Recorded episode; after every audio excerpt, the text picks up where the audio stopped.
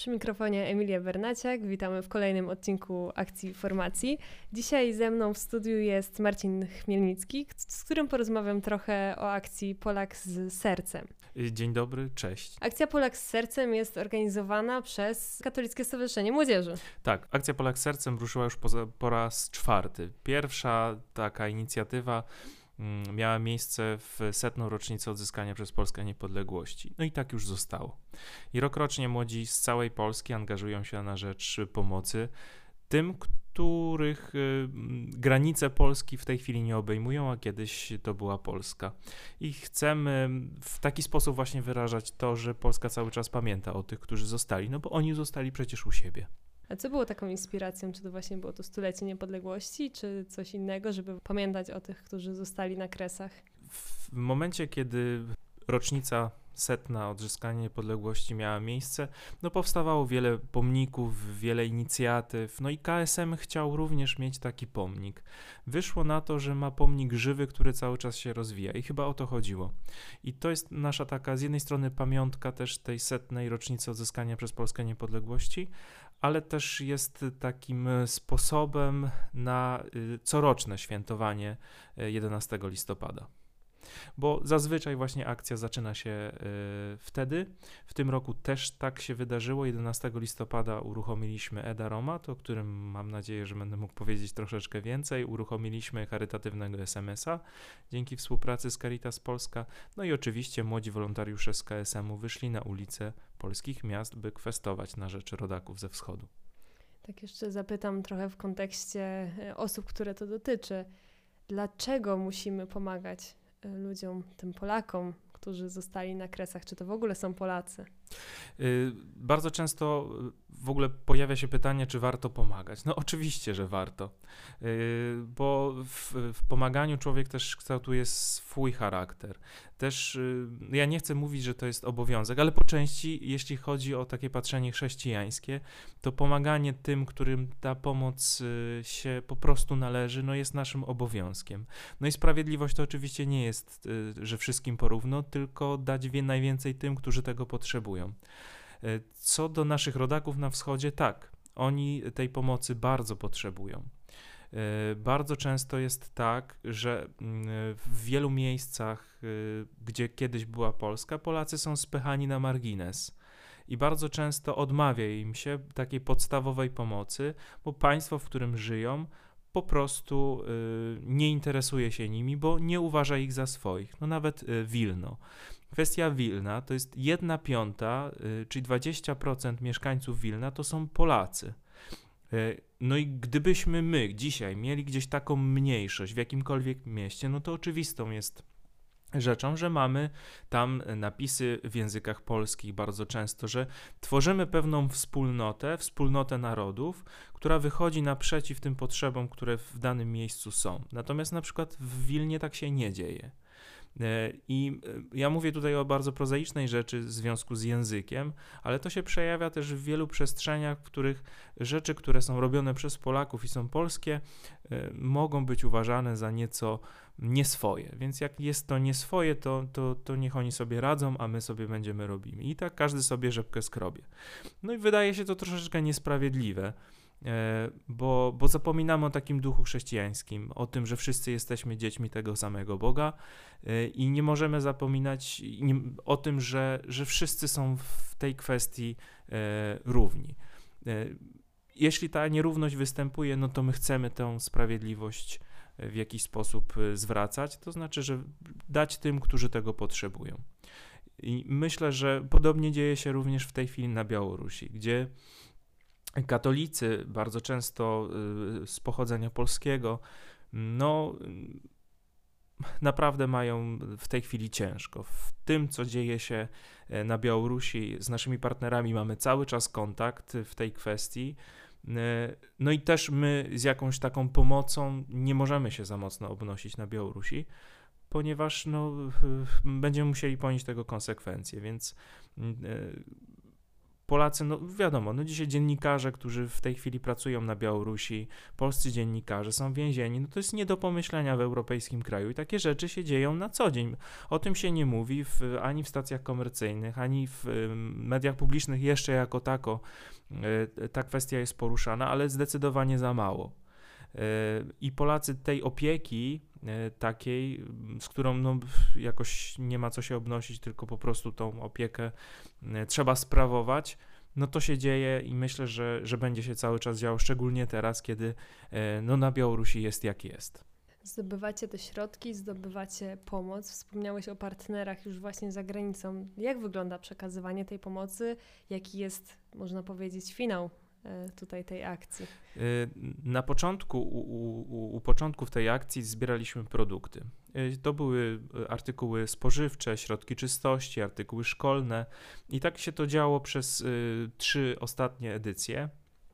Natomiast po, po, po pewnego rodzaju takim porozmowach z partnerami na wschodzie, z, po rozmowie z panią konsul generalną w Lwowie, E, z osobami, które, które no, dysponują też e, taką wiedzą na temat potrzeb Polaków na wschodzie, e, doszliśmy do wniosku, że będziemy te potrzeby pozycjonować, będą te, te, te zbiórki będą spozycjonowane na konkretne potrzeby. Rok temu uruchomiliśmy Edaromat, gdzie osoby mogły wejść na www.polaksercem.pl, tam wybrać produkty, które chciałyby przekazać naszym rodakom. Po tegorocznych wyjazdach w ramach akcji Polak Sercem Młodych właśnie tam na wschód, po przygotowaniach właśnie do tej edycji akcji, po rozmowach doszliśmy do wniosku, że są takie konkretne potrzeby, które trzeba zaspokoić już. No i jeżeli wejdziemy na ten daromat, no to widzimy, że jest na przykład apteczka dla seniora. Wiele osób, które E, zostało tam na tych ziemiach, no mieszka e, często poza dużymi aglomeracjami, ma e, problem, żeby dojść do takiego miasta, dojechać. Już nie mówię, że finansowy, ale nawet taki fizyczny. Była taka pani, którą odwiedziliśmy w Lwowie, w Wilnie, pod Wilnem ona mieszkała, niedaleko właśnie rezydencji, w której miał okazję mieszkać też marszałek Piłsudski. Zapomniana wieś, z dawnym dworkiem poszlacheckim, który no w tej chwili popada w ruinie i ona jako ta osoba, która nosi tę historię dawnych czasów. I ona mieszka tam samiuteńka, ma taką swoją, taki mały domek, natomiast no przy, nasz, przy spotkaniu z nią i tych opowieściach, które ona y, wtedy, no ta magiczna wioska, y, która dzisiaj może jest zapomniana i taka y, troszeczkę zaniedbana, przy jej opowieściach ona nabierała kształtu. Człowiek, e, jak jej słuchał, to widział tych ludzi, którzy w tym dworze biegają. E, te drzewa, które, no byliśmy teraz na jesień, więc przy tych opowieściach to przenosiliśmy się całkowicie w inny czas taka dygresja. Ale właśnie tacy ludzie tam mieszkają. Oni właśnie takiej pomocy potrzebują. Czy to jest właśnie apteczka, gdzie mm, podstawowe leki takie mm, związane, no, nie wiem, z grypą przeciwzapalne, to oni tego potrzebują. To jest taka prozaiczna rzecz, ale która sprawia im ogromną trudność. I czasem finansową, i taką fizyczną. Y, więc tak, tak, takim osobom pomagamy. Czy to jest na przykład y, jedna rehabilitacja? Jest taki ośrodek pod y, Wilnem w Niemczynie, gdzie w dużej części e, osoby niepełnosprawne, e, dorosłe czy seniorzy, którzy potrzebują pomocy, właśnie tam przebywają. To jest taki dzienny ośrodek opieki. No i wiele z tych osób potrzebuje rehabilitacji, pilnej rehabilitacji. No, tak jak u nas, u nas się czeka długo, a tam jeszcze dłużej, na przykład w okolicach Wilna, a ta pomoc jest potrzebna teraz bo to pozwala w jakiś no, lepszy sposób po prostu funkcjonować tym ludziom. Oprócz tego też ogromnym problemem i w Polsce, i, i na wschodzie jest, są ogrom, no, niesamowite ceny energii. Więc yy, pomyśleliśmy, że taką dość sporą pomocą tym osobom, które, które dzisiaj tej pomocy potrzebują, no, są yy, właśnie takie narzędzia energooszczędne, na przykład żarówka energooszczędna. No, dla nas to jest koszt około 20 zł, no ale zobaczmy, że ta pomoc no, jest długofalowa, nie? że to nie jest tylko, no ktoś pomyśli, no głupia żarówka. No tak, no prozaicznie tak to wygląda, natomiast ile oszczędzimy dzięki tej żarówce, no to to już jest inna kwestia. No jest oczywiście zbliżamy się do świąt Bożego Narodzenia. Na Edaromacie mamy no chcielibyśmy ofiarować tym dzieciakom, które gdzieś tam są, czy właśnie w ośrodku w Niemczynie, czy właśnie w okolicach Lwowa, y, podopiecznym Caritasu Lwowskiego. Chcielibyśmy ofiarować taki wymarzony prezent dla dziecka i taki prezent również darczyńca może przekazać y, potrzebującym na wschodzie. Tych, tych nowości, które są spozycjonowane na konkretne potrzeby jest dużo, dużo więcej. No i zachęcam do tego, żeby właśnie wejść na tę y, stronę www.polaksercem.pl przeczytać i o akcji, i o samym Edaromacie, i o tych potrzebach. Y, poza tym, no też akcja Polak z Serca no, działa dwutorowo. Z jednej strony e, budujemy takie zaplecze y, charytatywne, to znaczy pomagamy naszym rodakom, ale z drugiej strony też chcemy budować relacje.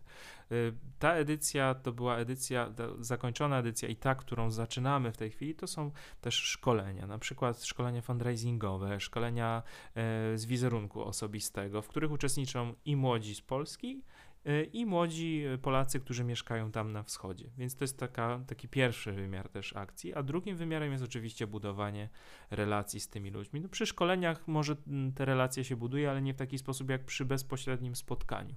W tym roku w wakacje mieliśmy okazję być w Lubelli. Lubella to jest taki niezwykły ośrodek w środku pola. Tam wjeżdża się za las i są pola, pola, pola, pola, pola.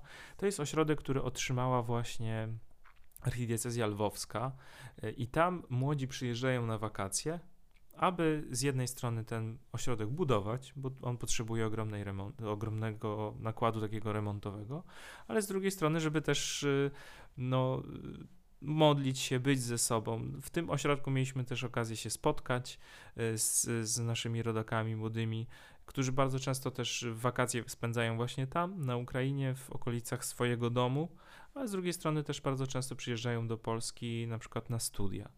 Więc ta, ta, ta, ta relacja no, no, też jest taka niezwykła. Też e, my z jednej strony zmieniamy perspektywę patrzenia na, na polskość, nie? E, bo no, też taka tęsknota to jest też niesamowite, że Polacy mieszka- młodzi Polacy mieszkający tutaj nie zdają sobie w ogóle sprawy z tego, mm, jaki też bagaż emocjonalny polskość ze sobą niesie.